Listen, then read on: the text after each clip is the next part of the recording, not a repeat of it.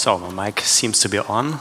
So usually I speak to guided groups uh, and I have to raise my voice. So I will try to do not do that, just, just to dim it a little bit down. Um, thank you very much for this honor to be here. Anders and me met uh, last year in Antwerp, in Belgium, and he said, "Well, can you tell us about history in your company, but um, not so much about the history of the company, but more a little bit strategy. And uh, this is why I am talking less about the history of our company, uh, which was founded in 1886, but uh, and which was established in Sweden in 1904, so which is a couple of years ago. Um, but I will talk a little bit about what we are doing and what our function inside of the company is. And I would like to start. Um, with my short lecture about balancing in the middle, and that means uh, to be a marketer of history without losing my credibility as a historian. So it's this is the balance which I'm talking about. Um, and to give you a little um, impression of what I'm talking about, there are several questions. Um, first, what the company, what are we doing, how we proceed, our mixture of um, history and communication. You know, the name of the um, department I'm working for is historical communications, and this is now ancient tongue, but it uh, just says that we are both archives and a part of the communications department in our company. And so that means we, that we are in charge of safeguarding history as well as telling stories. Well, um, just to give you a short impression about the company, um, we have around about 200, uh, uh, 421 um, people working for the company worldwide, and this is a lot of stakeholders. Uh, so we are a team of seven people um, with different functions, and uh, we have uh, 421 potential customers, and this is quite a lot. Uh, so we are sometimes struggling to um, help all with their requests, um, and sometimes uh, we have real wonderful highlights, like, for example, this year, 120 years of Bosch in, in the UK, including a gala dinner, including a book, including a, um, um, an exhibition, or to be honest, it was three exhibitions on different places in London. And we um, we needed to uh, set up the history again um, for, for, this, um, for this region in Great Britain and had a lot of work to do, but we always try not to lose our connection to the, um, the basic work of archiving, because without archiving carefully, you cannot tell stories. Um, well, we have around about 468 entities in the world. Um, to be honest, we do not cover all entities of the company. So we are um, in charge of uh, the German headquarters as well as our business units. But we have a so-called satellites. Uh, for example, the Bosch India Archival Center. We have uh, uh, archival uh, centers in big countries because it starts with the characters. You cannot read. I cannot read Korean, Chinese, or Japanese, and so we have to um, find people who can do the work for us in order to safeguard uh, the company's history internationally. Um, just to give you a short impression of the share, um, Europe is around about 50%. Um, Asia Pacific around about a third and the Americas 18%. And you see, the company has a global setup, and unfortunately, we only have our um, exhibition on Bosch history in Stuttgart at the headquarters. Um, but um, during the pandemic, we um, established uh, virtual live guided tours.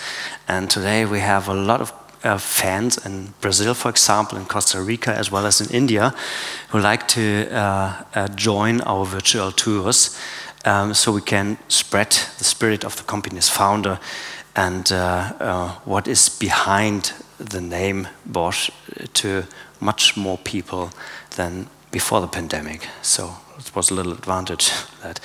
So, and uh, you see the four business sectors of the company. Um, most of all um, is located under the hood of a car, which means 60% of the turnover. And um, uh, so it's sometimes not so easy to be a representative of a so-called hidden champion because not so many people may know Bosch as they know um, uh, traditional consumer goods, for example. Um, but fortunately, we do have household appliances and power tools. And before I entered Bosch in 1998, uh, what I knew were refrigerators and power tools, of course, and not or what is hidden in the car. Um, to come to the point where all started, um, the, the archives was uh, founded in January 1st, 1933. And uh, the management became aware that there was an anniversary what, which would take place in 1936, a couple of years later, as well as the 75th birthday of the company's founder, Robert Bosch. By the way, you see him on the boat in Sweden. I've tried to mix in some uh, Swedish pictures which I found in the archive. Uh, he loved to go uh, fishing. Uh, and, um, well, uh, the company started uh, with only one historian who tried to collect everything which was uh, collected in different places in the company. Um, and uh, as we have uh, abbreviations in the company, some of you might know that from there. It was called MUA, Museum and Archive, Museum und Archiv, but it was never established um, because after World War II, um, the money had to be invested in different ways. And um, as to the present day, we still uh, do not have a museum, but we have an ex exhibition room which uh, we use for guided tours, um, but which is not open to the public. Um, well, uh, there were rough decades for the archives. Um, differing people in charge and management mean different interests into history. And there were even people who thought, um, uh, well, why do we need history? Do we need it for identification? Do we need it for um, pushing up our turnover? And um, the situation was rather bad in the 1950s to the 1960s. And the beginning of professionalization came in the 1990s when uh, the first professional historian was engaged for the, for the company.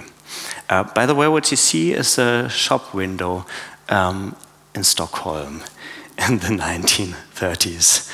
Uh, special, I think, Tändstift is a spark plug as well, as, as, as far as I know. And um, uh, around about 20 years ago, the company started to integrate um, history into the communication department. And that meant we had to continue collecting things which are very important for the company, can be exhibited or can be just time witnesses for uh, several um, um, innovations of the company for, for, for different situation the company was in. And um, in the recent years, we have established several um, uh, regional archives uh, that can uh, safeguard the um, uh, the history items of the of the of the local areas. For example, in China, we have around about fifty thousand people working for the company, um, and uh, they have their own archivists, but it's only a twenty percent um, uh, capacity, unfortunately. Um, you need to safeguard um, very carefully in order to be able to make stories out of history. Um, by the way, also two pictures from Sweden showing our northern Sweden test tracks at the polar circle. Uh, left, uh, there were some guys I have interviewed. Uh, some of them are uh, beyond the 80s, and uh, they tested ABS anti-lock braking system prototypes in the mid 1970s. Um, what we are trying to do is um, first set up a website, but a website is usually something which is uh, static, which doesn't change that fast. And this was why we um, decided to find some new ways to uh, engage people for Bosch history uh, with setting up our Bosch history blog. You see the starting page on the right side. Um, and um, there were no blueprint for that. We didn't know how to do that, but we had social media experts in our company, which um, helped us to roll out it. And so it's now um, seven years old. Um, sometimes it comes to my mind, well, can't we change the business model and do something else on the blog? But it turned out to be very um, successful because these um, contents can be shared by uh, our colleagues all over the world. Um, I haven't counted the different uh, social media channels which Bosch is operating, but there are many entities who use Facebook, Twitter, LinkedIn, and um, as well um, um, Instagram accounts. I think all over it's more than 1,200. And every entity can use that or reuse our contents. Um, and we uh, try to set up them um, in a strategic way. And I would like to um, say some word about that. For example, we can give ideas. It's not only that we follow um, communication campaigns of a company, but we also uh, say, well, couldn't we take that topic, for example? For example, this house is an example for uh, a sustainability topic because that was set up by our home comfort um, uh, branch in 1977. It, it could save up to 90% energy because it had solar technology, and it had a heat pump, and only an auxiliary gas heating system. And um, so we introduced that topic in order to help our communications colleague to find connections between history and current, present, and future oriented campaigns. So that is a proper way to be in the business of um, doing um, communications campaigns without losing the contact. Because it's very important to make sure that people are aware of the importance of history, and some are only aware of it if you offer them to integrate your topics into current campaigns of the company. Um, and you also have to safeguard the products, for example. Um, uh, just to give you a rough impression, we have around about 2.2 kilometers of uh, paper records and terabytes of, um, of data, and we have around about 16,000 different products. Um, the smallest is a micromechanic sensor, which is 1.6 millimeter, and the hugest one is a um, self-driving car, which was tested uh, in California um, within the last 10 years. And unfortunately, this one uh, we gave to the Deutsches Museum in Munich, um, and they don't want to give it back. Uh, it's a prototype. Uh, of course, they won't give it back. it's a prototype of a gasoline um, electric hybrid Ford Escort, 44 horsepower, and uh, it could drive electrically, it could be reloaded, and it could drive uh, with an internal combustion engine. And it is a pioneering example of uh, testing uh, new technologies.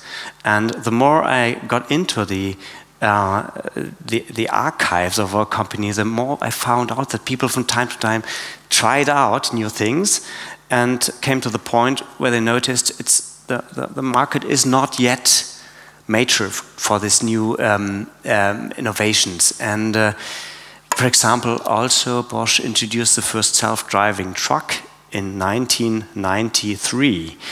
It's funny to see. You can even see it on YouTube. I, unfortunately, I haven't it uh, with me. Uh, you can see a truck driver sitting reading the newspaper while the car drives, and it even had a navigation system. Uh, and so um, these are these are ways to, to express our pioneering and innovation oriented history. And this also shows that we have to think in two directions. We have to enhance the reputation of the company outside of Bosch, and we also have to strengthen the identification of the people with the company. And to do this, we also try to keep in contact with uh, um, contemporary um, topics. I would like to give you a short example for that. Uh, during the pandemic, uh, Bosch first started to develop uh, breathing devices, which was not uh, continued. Um, the company um, developed uh, um, rapid um, PCR tests, and the company produced masks for their own needs within the company. Um, you may remember there were a lack of masks, they were extremely ex expensive. And so Bosch set up um, a, um, a, manufacturing line for, uh, for mask, for protection mask within six weeks with different experts from research development, doctors, as well as uh, production specialists. And they set up a, a mask production in Stuttgart the second one in Naganathapura in India, and the third one in Juarez in Mexico. And uh, we have the first mask. It's a quite new item because it's only four years old. Uh, and we also have parts of the, um, of the production um, uh, setting, only small parts because uh, the whole one would be by far too huge for us. And uh, we use that for communication which helps people being proud working for the company. So this is what we were doing. This was our contribution to that. Um, just to give you an example of how, how it can work, uh, I have a LinkedIn channel, and when I post something, I get around about five to 10,000 10, reactions over a longer period. And in the case of uh, the mask production, I got 120,000. And 95% of them were colleagues from India who were involved or knew about uh, the mask production. So it was also a great uh, opportunity to um, strengthen the corporate um, loyalty of people within the company. Um, by the way, this is Robert Bosch. We have uh, two deciding targets in, communication. The first one is um, to integrate uh, history into corporate communications as a reputation driver, for example. and um, it has the potential to um, lead people to higher loyalty to the company, to have a sort of you can't say that with more than 400,000 people, but a sort of family feeling. And uh, in fact, sometimes we have it. Uh, I don't know why, but it's there, uh, differ from country to country. And the second target is um, to be constantly in a process of communications. Um, for example, we have a roundtable of all um, people from digital communications, external, internal, and I'm also a part of them. And uh, uh, it's a sort of a pulse check. What are we doing? Uh, what could be helpful? Do we need some more communication focus on sustainability, a little bit more on innovation? And I can give the examples um, uh, how we can help with history. When we talk about the semiconductor, you see a 300 millimeter semiconductor, which is then split into 10,000 of microchips. And um, when we, uh, when Bosch set up uh, the, the semiconductor factory in Dresden, in Germany, um, I started um, um a time witness series about the pioneering years of uh, of uh, microelectronics, and I found out that there, there is still um, a pioneer of the late 1960s living. He uh, celebrated his 100th birthday last year, and I interviewed him in his um, older people's residence uh, uh, in the recent years in order to have an identification figure for the people, uh, somebody who was really pioneering. He knew nothing about integrated circuits. He had to read patent uh, publications and uh, had to uninstall um, electronic devices in order to find out more about uh, electronics. So it was very, um, very basic what they did in the first years of, uh, of um, pioneering innovation um, times. And uh, I come to the last point uh, of my presentation now. Um, when I usually set up a blog entry on Bosch history, whatever it is deals with, which region or which product branch. Uh, say, well, um, we cannot do it twice or three times or even more, but our colleagues from um, online communication say, well, the internet doesn't forget anything at all, but the readers forget after a couple of months or years, and so you can push in a topic from time to time for another time, and you can do it all over the different channels. Um, we have no um, historical channel on Instagram, X, formerly Twitter, Facebook, or LinkedIn, um, but we uh, exchange our content with the so-called Bosch Global channels, which guarantee us the, the widest range um, or reach. And when we look at um, the outcome, um, for example, in 2021, we published 66 posts, or our colleagues of uh, digital communication, um, with a quite huge reach. I don't know where they have the number from, but I have to believe them. Um, and we found out that history posts are some of the most successful.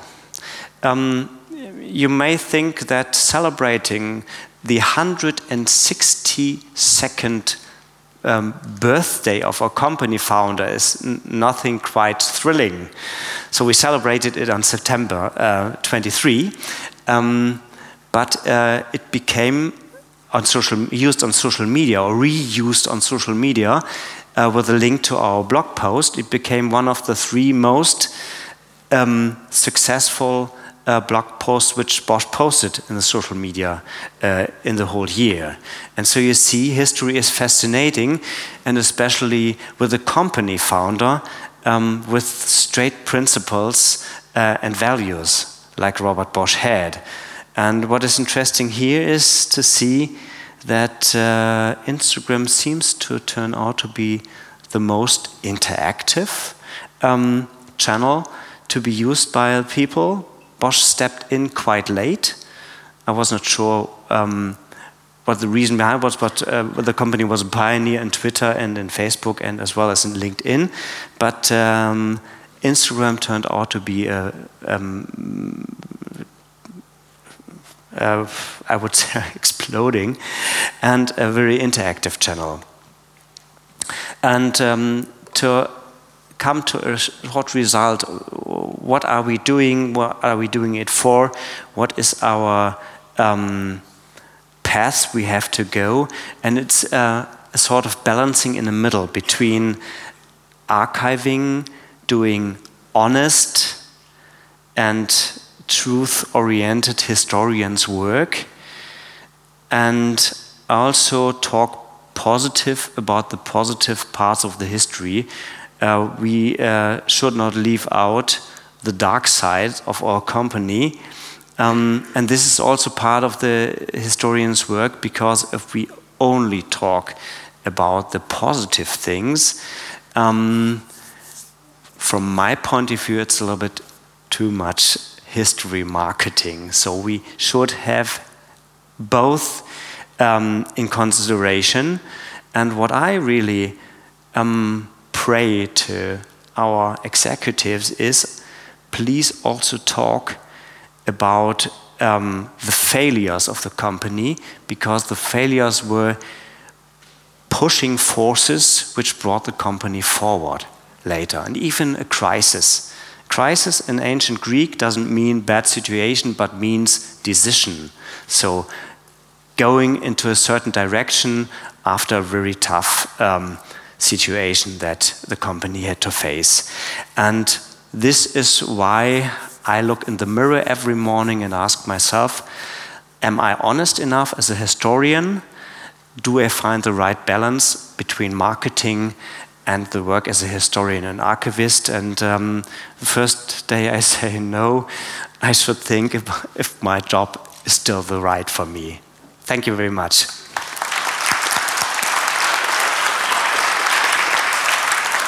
Thank you, Dietrich. I'm sure we have time for some questions. And I'll throw in yes. the first question. Where, when I, is it the most difficult to find that balance? um, if I am a, a marketer of history, um, I, I, would tend to talk about only the success of the company. And uh, it was just the, the, the, last thing I pointed out. If, if I talk about the failures, you, you can, you can and, and, and preach to people, please also do that. Um, do not leave out the critical situations of the company.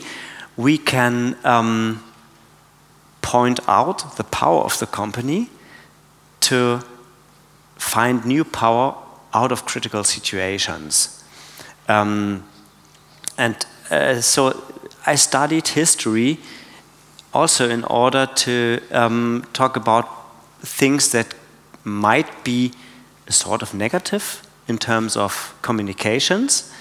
Um, and I have to balance that because I am a loyal uh, member of staff of the company, to be honest. So uh, it's not a negative I have the focus on, but I have to take it into consideration. And uh, the last time I had a member of a board of management, um, he asked me how many situations of a crisis we had in our company history. And I said, well, I counted recently, and I found out it was 11. So the first one was in 1892, after six years, when Robert Bosch was almost um, not able anymore to pay the wages for his workers on Friday afternoon in cash, and so he had to pick up some money from the rich vegetable dealer in the front house. So he had invested too much, he had spent too much money into machinery, and so uh, he went into a critical situation. But he learned from that, and this is important. Yeah. Questions?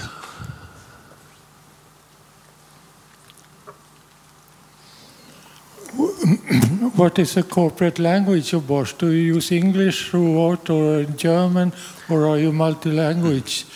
and how do you handle the archives and the blogs and so on? If you have artifacts in German from the beginning, how do you make uh, certify the translations and so on if you present it in English? Mm -hmm. um, good question. We just recently talked about it this morning the colleague. Um, uh, as I'm in charge of um, historical topics in Asia Pacific, um, Australia, um, I write more than 80% of my emails in English with uh, colleagues, and most of presentations are done in, in English because it's a common international language in our company. Um, yes, most, most of the oldest artifacts that we have, including Robert Bosch's letters and his diary from his first voyage to America, um, are in German. Um, and usually we have uh, an agency that translates, and then we have an internal native speaker uh, from England who makes sure that the translation um, is appropriate. Um, we have, um, of course, many of our um, uh, internet or social media posts are also being used in different questions spoken all over the world. And um, to be honest, I have to trust the people that they that they uh, translate it in the uh, in the right spirit uh, and uh, to bring over the meaning which we had intended to. Thank you so much, Dietrich, for mm this. It's been a pleasure. Thank you. Mm -hmm.